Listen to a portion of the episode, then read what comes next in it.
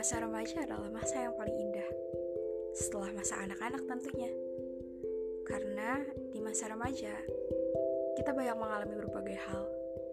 Mulai dari persahabatan Cinta monyet Dan hal semacamnya. Di sini Saya akan menceritakan tentang sedikit pengalaman saya.